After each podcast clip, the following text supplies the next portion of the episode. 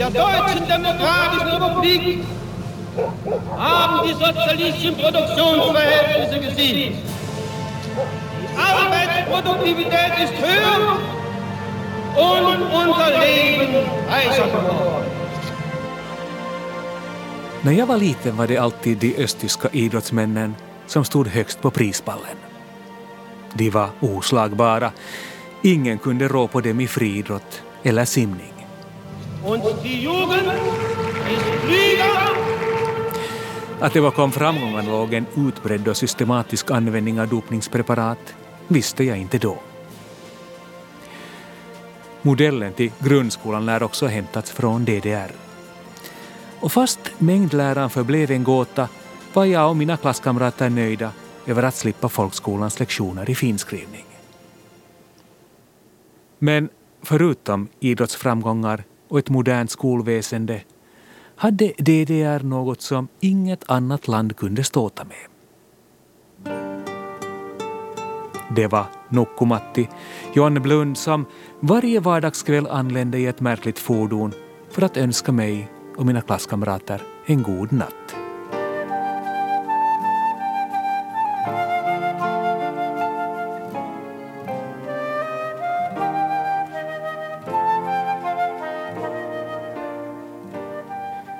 John Blund stöter man på i sagor av till exempel E.T.A. Hoffman, H.C. Andersen och vår egen Zacharias Topelius. Men för mig och många andra är han för alltid förknippad med den östtyska dockanimationen. År 1973 landsteg Unser Sandmännchen på finländsk mark och efter det var inget sig likt. Inte för mig och inte heller för 1 500 000 andra finländska barn som under de följande 30 åren skulle växa upp med John Blund på bästa sändningstid i programmet Pikkukakkonen. DDR, John Blund och jag är ett program om min barndomsidol. Om en sagofigur som sägs ha haft en politisk agenda och som i eftervärldens ögon ibland också framställts som mannekäng för den socialistiska drömstaten DDR. Men var John Blund verkligen ett socialistiskt propagandaverktyg som förhärligade livet i en totalitär stat? Eller var han en liten figur som förespråkade fred och goda vanor mitt under kalla kriget? Mitt namn är Petter Lindberg. Wenn ein junges Mädchen weint, weint sie nur aus Liebe. För att förstå hur DDR lyckades lansera sin sagofigur i hela världen måste man gå tillbaka till år 1959. Långt före John Blund gjorde entré på Yles TV2. Det hände sig nämligen vid den tiden att man på två håll i Tyskland smidde planer om ett nytt barnprogram där sagofiguren John Blund stod i fokus. Es gab ja zu der Zeit, das ist jetzt ja über 60 Jahre schon her, dass das Sandmännchen ähm, erfunden wurde. För cirka 60 år sedan lanserades John Blund i Tyskland. På den tiden fanns det inte särskilt stor konkurrens. Med andra ord var det ganska lätt att etablera ett nytt barnprogram, säger Nina Paisen, redaktör på den tyska tv-kanalen RBB. Det är hon som sedan tre år tillbaka ansvarar för John Blund, hans arv, välbefinnande och framtid. Och fast Nina Paisen inte var med då det begav sig år 1959 känner hon sin adepts förhistoria mer än väl. Es gab ja zwei Sandmännchen, einen in der DDR und einen in der BRD. Und ähm, der Westsandmann ist dann so nach und nach verschwunden. År 1959 fanns det alltså två John Blund-figurer, en i Västtyskland och en i öst. På den tiden var världen delad och ett intensivt propagandakrig fördes mellan de politiska ytterligheterna. Idrotten var ett tacksamt propagandaverktyg men inte heller barnkulturen var skonad från denna kapprustning. Cheferna i DFF, alltså den här östtyska TVn, fick veta att man planerade en, en eh, John Blund-serie i Västtyskland eller egentligen i Västberlin, i Sendefreies Berlin. De hade, hade sådana tankar och en chef som hette Walter Henowski i DFF. Han läste faktiskt i en, en västtysk tidning om det här. De ville vara snabbare i DDR och då började de med det här som faktiskt kallades för eh, äh, Klassenkampf. Så det var politiskt eller ideologiskt, åtminstone från deras sida i DDR. Och sen, sen blev det faktiskt så att den här Unse alltså det här, de har en liten skillnad, Das Sandmännchen i väst och Unse Sandmännchen i DDR. Så att den här Unse Sandmännchen, den här östtyska varianten, började nio dagar tidigare. Så att den vann den här tävlingen på det sättet. Också på det sättet att den lever fortfarande. Och den här västtyska varianten dog för länge sedan. Min finska kollega Sakari Silvola utgav i fjol boken Nukkumatin kylmä sota där han uttryckligen skriver om hur John Blund blev en politisk spelbricka under det kalla kriget och hur viktigt det av allt att döma var att man i DDR lyckades lansera ett konkurrerande barnprogram framför näsan på rivalerna i väst. In den Anfängen gewesen, man hat natürlich äh, am Modell erstmal verschiedene Veränderungen vorgenommen. Man gjorde naturligtvis många förändringar innan man var nöjd med John Blund-figuren, säger den dåvarande producenten Winfried Kojas i en intervju från år 2000. Mit dem Griff, den man jetzt als Sandmann kennt, mit dieser Figur, so wie sie jetzt aussieht, Till en början hade dockan ögonfransar och såg inte särskilt barnvänlig ut. Men så småningom utkristalliserades en figur som med sitt skägg utstrålade ro och vishet. Ja, en figur som helt enkelt kunde fungera som förebild. Wir haben jedenfalls immer darauf geachtet, dass er als Vorbild sich die Füße abtritt. John Blund skulle uppträda värdigt och alltid torka fötterna av sig när han klev in. Det var mycket noga med detaljerna, säger Harald Serowski som i teamet främst ansvarade för John Blunds olika fordon. Jag minns själv från min barndom hur spännande det var att försöka gissa om John Blund anlände till fots, på hästrygg eller med något mer modernt fortskaffningsmedel. Die Kinder und die äh, erwachsenen Zuschauer, die haben immer gefordert, der Sandmann, der möchte dann doch auch mal Barn och vuxna skickade in önskemål om olika djur och fordon. Det kunde handla om bilar, flygplan eller rullskridskor, säger Harald Serowski. eben auch mit verschiedenen Gefährten kommen. Und so entstand dann dieser riesige Fuhrpark von über 200 På så sätt uppstod under årens lopp en fordonspark som omfattade cirka 200 olika fordon, allt från cyklar, sidovagnar och bilar till helikoptrar, flygplan och rymdraketer. Med slank visst också en hängglidare tills man insåg att en sådan flyganordning lätt kunde tillverkas och rent av ge upphov till förbjudna tankar bland rymningslystna DDR-medborgare. Som barn fascinerades jag av Jan Blunds häftiga manicker och förstod väldigt lite av att det framför ens ögon samtidigt utspelade sig en socialistisk maktdemonstration, åtminstone i kulisserna. Jag tror ändå inte att programmet på 70-talet upplevdes som ett propagandaverktyg. Snarare sågs väl John Blund som en sympatisk figur som indirekt förstärkte och bekräftade banden till öststaterna. John Blund besöker faktiskt Finland i två avsnitt men åker aldrig till USA eller Västtyskland. Och redan det säger någonting om att Finland ansågs tillhöra det socialistiska maktblocket. President Kekkonen återvände idag till Moskva från en åtta dagars fiske och vilotur till Baikalsjön i Sibirien och ön Sahalin i sovjetiska Fjärran Östern. I Finland sneglade man visserligen mot väst, men i slutändan föreföll det ändå som om man bugade mot öst, det berömda förhållningssättet som i Tyskland döptes till Finlandisierung. Mina damer och herrar. Den politiska anpassningsprocess som Finland hade att genomgå efter det hösten 1944 ingångna vapenstilleståndsavtalet var enastående i Finlands historia. Det politiska klimatet i Finland präglades på 70-talet av mygel, flathet och misstro. Men här framstår Jan Blund med sin uppriktighet som raka motsatsen. Kanske programmets popularitet också berodde på att det bejakade det sagoaktiga i en tid då många andra barnprogram hade karaktären av trist folkupplysning. Men så var det förstås det här med att John Blund aldrig åkte till länder i väst, att raketerna var prydda med bokstavskombinationen CCCP och att han gärna också besökte platser som man i DDR var särskilt stolta över.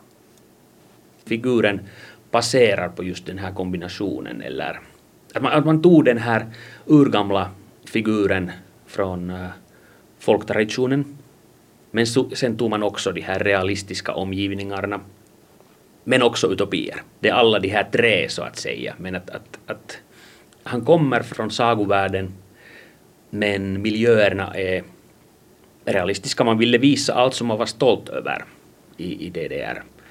Man var, man var lika stolt över eh, äh, sådana nya betonghus i nya moderna äh, förorterna.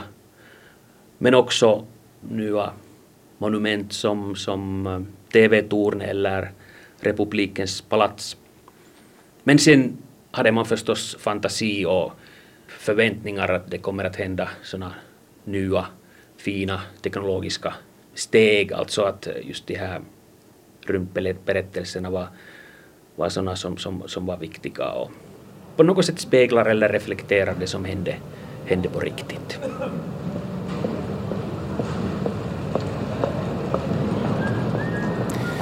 Ja, av allt att döma var man inriktad på att visa DDR i en smula retuscherad version. Folkupproret i Östberlin hade bara några år tidigare slagits ner med hjälp av sovjetiska trupper och snart skulle också en mur börja byggas. Inte så konstigt alltså att allt genomsyrades av en politisk kamp, också barnkulturen, säger Sakari Silvola. Allt var politiskt och man ville ha allt snabbare och mera. Och det där, det är kanske en sån där liten, ganska rolig del av kapprustningen. Mm. En fredlig kapprustning? No, det här var nu en av de här liksom, fredligaste dimensionerna av, av kalla kriget och kapprustningen. Säkert ja, men, men samtidigt viktigt också. Alltså John Blund och just den här Unse Sandmännchen, eh, östtyska varianten, den, den blev, den blev en, en, en viktig del av DDR och DDRs vardagsliv. Men, men det blev det också i Finland och tiotals andra länder. Så att inte var den alls oviktig. Mm. Jag tänkte just komma till det här med John Blund som, som en, en liksom självklar del av min barndom men säkert också din barndom. Jag menar, hur hade våra liv sett ut om vi inte hade haft Nukkumat? no, det, det, det, det, det har jag inte faktiskt tänkt på. No, ja, visst har jag tittat på John Blund som barn, som nästan alla, alla när jag är över 40 så alla i min ålder säkert, eller åtminstone alla som hade finska som modersmål, för att det kom då som del av pikkukakkonen. Och det där, då hade man inte så många alternativ för, som, som nu för tiden. Alltså att alla tittade på samma program.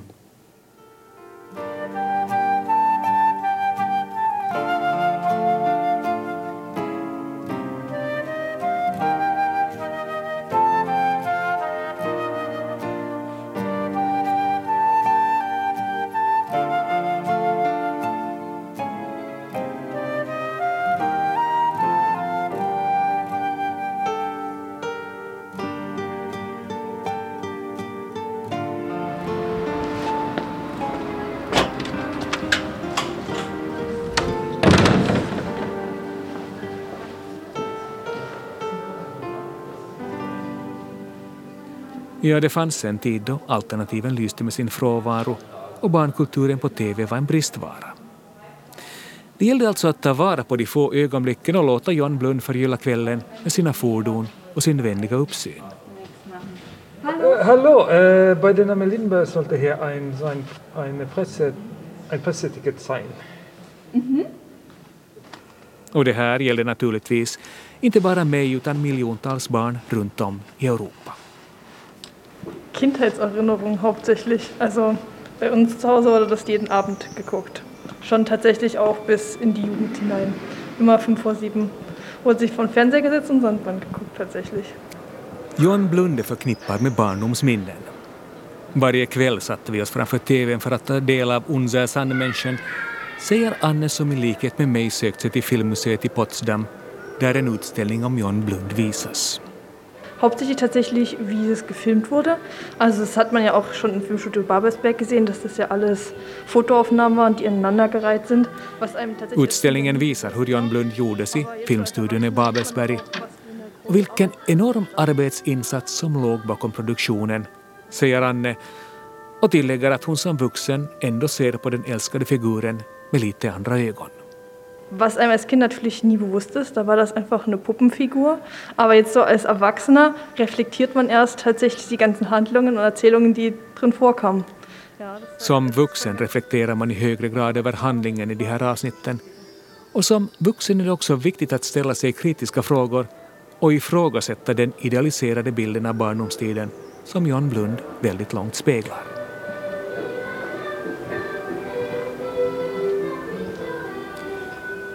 Utställningen i Potsdam berättar naturligtvis om kapplöpningen mellan dockfiguren i öst och i väst och hur Östdockan segrade genom att vara först i TV-rutan den 22 november år 1959. Men i övrigt är den politiska aspekten nedtonad. Även om ett tränat öga fångar upp den sidan också, säger Benjamin som kommit för att se utställningen tillsammans med sin dotter. Naja, also wird schon mit, mit, mit Themen, also gerade was so in der DDR war und so, wurde schon äh, sehr viel damit äh, konfrontiert. Ne? Und dann äh, natürlich auch in gewissen Szenen natürlich auch aufgenommen. Ne? Unser Sandmännchen skildrar livet i DDR och hur man med stolthet visade upp Folkets palats eller soldater ur Folksarmén. I en monter ser man visserligen ett pansarfordon och dockor iklädda arméns uniformer, men i övrigt var den militaristiska framtonen nedtonad. Man ville ju gärna framställa John Blund som en fredlig sagofigur som förmedlade goda värderingar. Ödmjukhet. Uh, eh, han tjänar samhället på många sätt.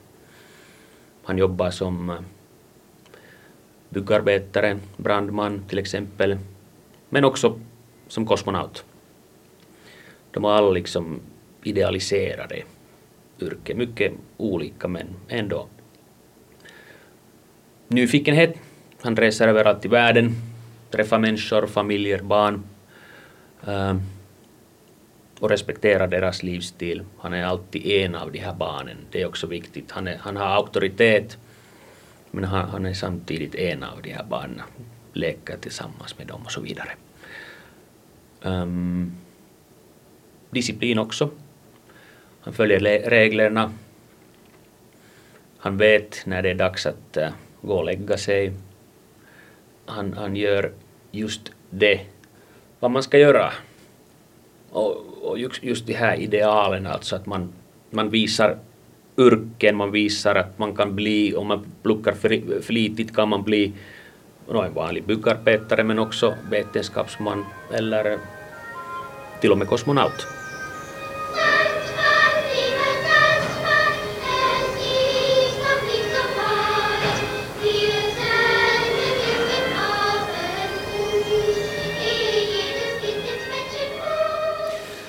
Enligt Sakari Silvola står John Blund för det goda och för ett slags socialistisk solidaritet där alla i princip är jämställda men där man med ödmjukhet och disciplin ändå kan bli något utöver det vanliga.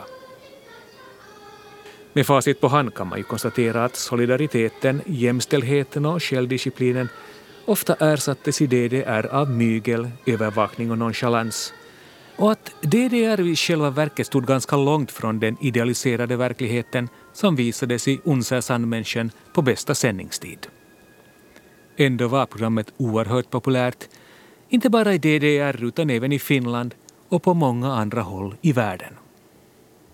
De byggstenar som man hade i DDR, jag menar folklor och socialism, kanske inte de mest självklara byggstenar om man tänker barnprogrammen, men det verkar ju fungera oväntat bra.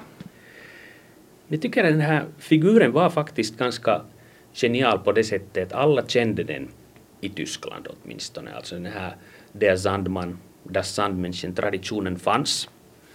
Och dessutom är den liksom helt sekulär, alltså man ville inte bygga ett eh, barnprogram som på någonting som har någonting att göra med, med religion. Sen att man använde en figur som alla redan kände. Det funkade bra. Och det, det, det, har vi nu sett att den lever fortfarande i Tyskland och barnen och familjer älskade den. Och älskade också i Finland. Så att någonting fanns där som funkade. Mm. Men, men det att, att man då har en sagofigur, eh, det finns kanske, eller kanske fanns en överförd betydelse också, att, att man på något sätt såg också John Blund som ett slags mannekäng för DDR. Jo, men det, det, var han på många sätt alltså. Um, just det här vardagslivet, det tycker jag är kanske viktigast ändå. Att man pratar gärna om just de här färdmedlen och, och rymdraket och, och flygplan och, och sådana, men, men det som var säkert viktigast för just den här liksom kontakten till vardagslivet. Och därför tyckte barnen säkert just att, att han kommer till mig. Att jag lever i en just sån förort, i ett sånt hus som man ser i bilderna av John Blund också.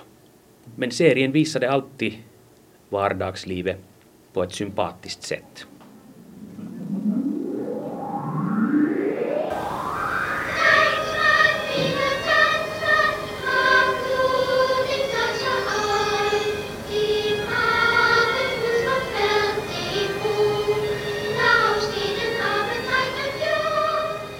Men, men fanns det då, eller om man nu kanske ser, det, ser de här, många av de här avsnitten i backspegeln så tycker man sig åtminstone se någon slags till och med uttalade politiska underströmmar? Det finns sådana säkert, ja. Det är en bra fråga om det var medveten, delvis var den också säkert det.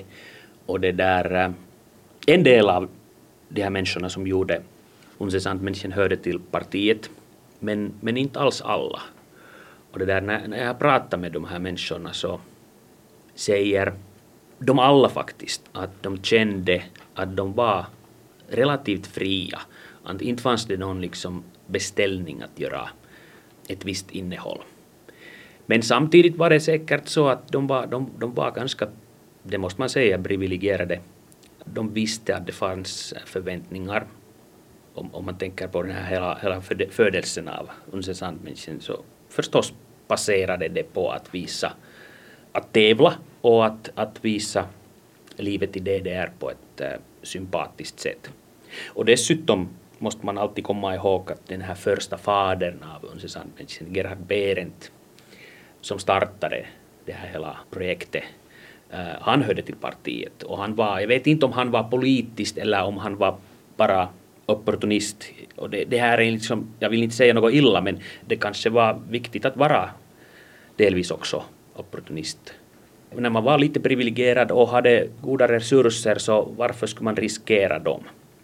Så att eh, resultatet var det att, eh, som vi vet, John Blund, Unse den var äh, politiskt på många sätt.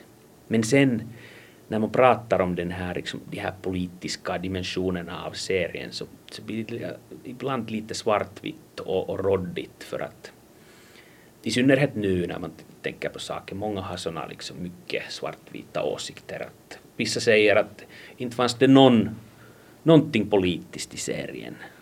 Och de andra säger att det har liksom he, helt och hållet propaganda. Men jag tycker det var någonting där i mitten eller mellan. Så det, det var delvis politiskt, men inte, inte ser det liksom illa ut nu för tiden heller. Det är så mycket allmängiltigt och universalt. Om man visar exempel som, som John Blund, alltså Sandmänniskan gör, att han, han beter sig bra, han öppnar dörren för andra människor. Inte det, det är kanske uppfostrande, men inte det, inte det politiskt. Skickligt har John Blund lyckats behålla sin integritet och distansen till det politiska. Kanske för att han trots allt är en sagofigur med en stark förankring i sagovärlden, för att han dessutom är lite gåtfull och därtill stum. Det att John Blund inte kan tala har förmodligen räddat honom från flera pinsamma situationer, säger Sakari Silvola. En sak som räddar honom delvis är det att han inte pratar och att det finns liksom ingen dialog i, i, i serien. Om han hade pratat, vi skulle kanske kunna tänka att han någon gång hade, hade sagt något dumt. Men det, det, har varit viktigt för honom också på det sättet att sen efter, efter att muren föll, efter de vände, räddades Unse Sandmännchen och, och, och den lever fortfarande. Och inte skulle det ha hänt om, om, om det skulle ha varit helt och hållet, hållet politiskt eller propaganda.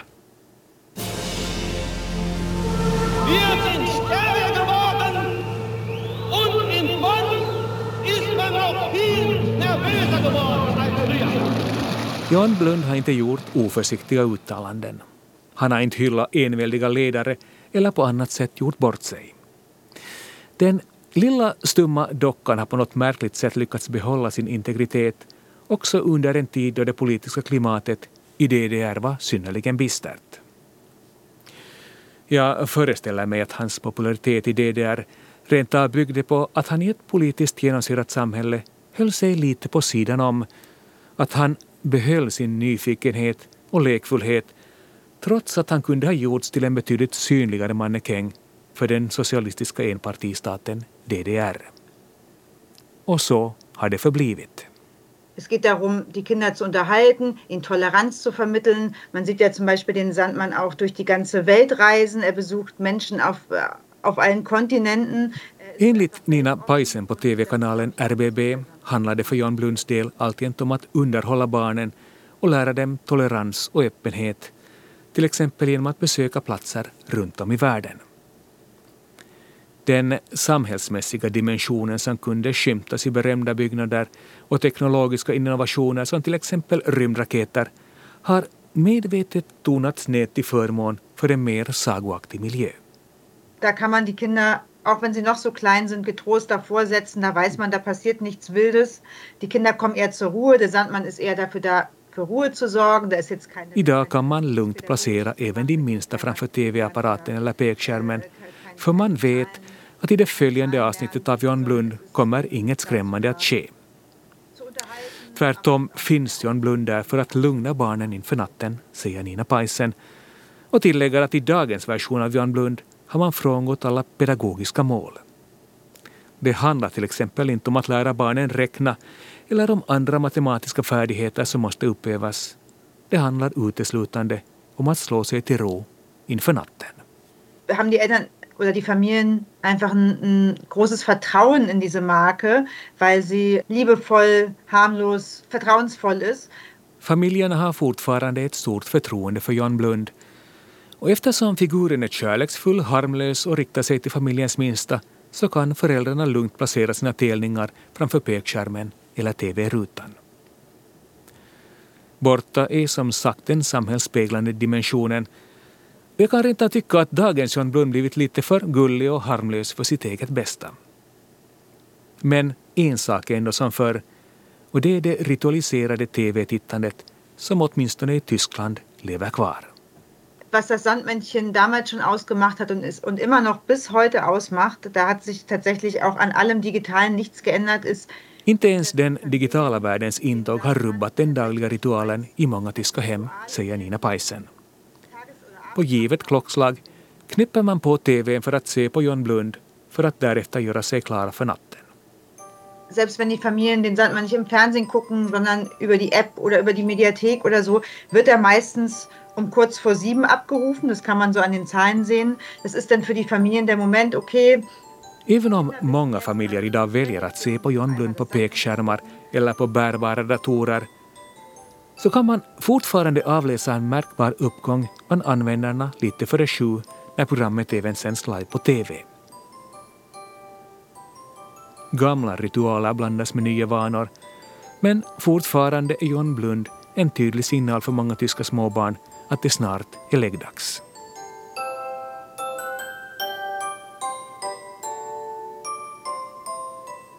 Ritualer är viktiga. Det var det också för mig när jag var liten, om det så handlade om att försöka gissa sig till Jan Blunds följande fordon. Men jag föreställer mig också att ritualen med Jan Blund kunde få en alldeles extra dimension i ett avkristnat land som DDR att John Blund för en del rent kunde fungera som en ställföreträdande aftonbön. Man kan tänka på det sättet att människorna behöver ritualer. Och blev en ritual. Och den blev en, en institution, alltså det var, det var en viktig del av människornas äh, vardagsliv. När man inte har sådana institutioner eller ritualer som är, som är religiösa så kanske man behöver något, några andra, i det här fallet sekulära. Och sån var Jan Blund förstås. Det kanske fråntar också lite hans så att säga, politiska udd, att, att, det, att, att man, han då kommer varje kväll. Det, det är nödvändigtvis inte en politisk handling utan det är ju kanske snarare en rituell handling. Precis. Och han kommer fortfarande i Tyskland, det måste man komma ihåg att, att uh, han är nu över 60 år och det har varit bara ett par kvällar då han inte har kommit. Så att uh, han lever fortfarande.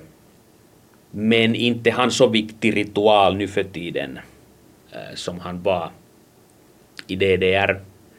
Och det, det, finns förstås många orsaker till det men, men, men förstås är han annorlunda nu för tiden. Att inte har han någonting att göra, förstås inte med DDR men inte, inte, inte så mycket med uh, vardagslivet eh, annars heller. Att han har blivit mera en sagofigur. eh, vilket man förstår för att inte kan man ha någon ambassadör för DDR om man inte har någon DDR. Och inte vill man vara stolt över DDR heller. Så att varför skulle man ha någon ambassadör som man inte, inte vill, vill det där fira. Men, eh, men ja. Men i Finland kan vi ju inte se honom längre. Yle äger inte längre rättigheterna till det och, och, och, och i Pikku Kakkonen så, så visas inte längre John Blund. Mm. Så det är ju en hel generation som på något sätt, jag menar, för, för dem är ju John Blund ett, ett helt oskrivet kapitel. Ja, det stämmer. Och inte i andra, andra länderna heller. Att, att den här eh, internationella eh, framgången den har, den har gått för länge sedan. Borta är John Blunds glansdagar. Men minnet lever kvar i form av signaturmelodier, fantastiska farkoster och ibland rent av i form av en nostalgisering av DDR-epoken. Dann melden sich aber auch viele ältere Leute, die halt den Sandmann von früher eben kennen und die manchmal schimpfen über irgendwas Neues, was ihnen nicht gefällt. Många forna John Blund-fans hör av sig till redaktionen med kritik om någonting uppfattas som alltför modernt.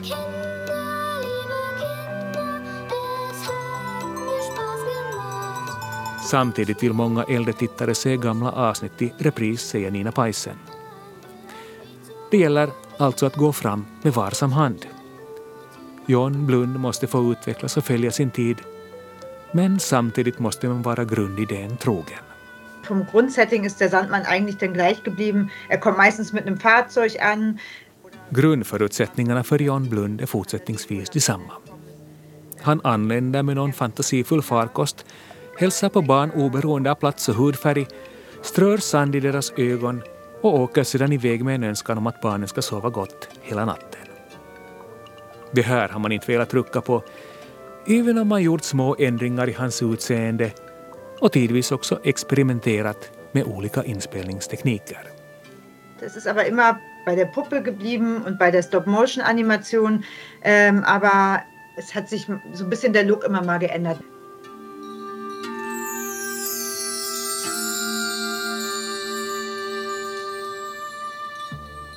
För att vara en drygt 60-årig figur så mår John Blund relativt bra. I hemlandet Tyskland visas han på tre kanaler och givetvis har han idag också sina egna sidor på webben. In der App gibt es eine große Spielewelt, gibt Hörgeschichten mittlerweile. Also da ist alles sozusagen da, was man so von so einer großen Marke letztlich mit, also heutzutage erwartet. Johan Blundappen erbjuder spel och berättelser och allt möjligt som det förväntas av en etablerad sagofigur. Men i grund och botten handlar det ändå om trygghet, identifikation och inblick i den egna barndomen, säger Nina Paisen. Och jag håller med.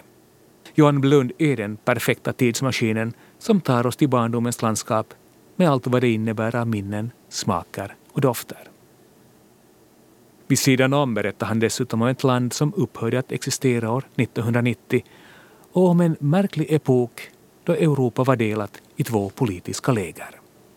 För mig är det, det är ett fönster eller någonting som man kan använda och titta på kalla kriget och DDR och delade Tyskland. Och samtidigt när det har den här kopplingen till barndomen så tycker jag det är en ganska fascinerande helhet. Och kanske också en påminnelse att allt inte var full betongarkitektur och illaluktande trabanter. Precis, ja. För mig och min kollega Sakari Silvola kommer Jan Blund för evigt att vara en barndomshjälte och en sagofigur som på något märkligt sätt lyckades behålla sin integritet mitt under det kalla kriget. De östtyska idrottsmännens prestationer har ogiltigt förklarats och grundskolans mängdlärare har likaså fått stryka på foten. Men någonting finns ändå kvar av DDR som en påminnelse om att allt inte var full betongarkitektur eller illaluktande trabanter.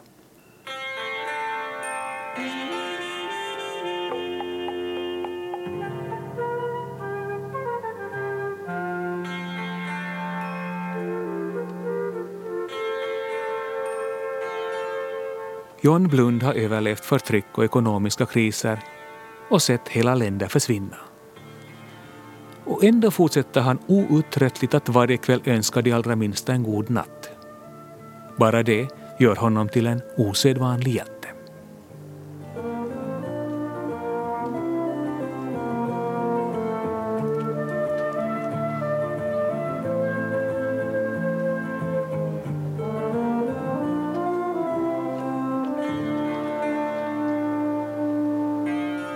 Du har hört radiodokumentären DDR, John Blund och jag. I programmet medverkade Nina Paisen, redaktör på RBB och Sakari Silvola, redaktör på Finska Yle, som skrivit en bok om John Blund. Producent var Staffan von Martens. För ljuddesignen stod Jyrki Häyrinen och mitt namn är Petter Lindberg.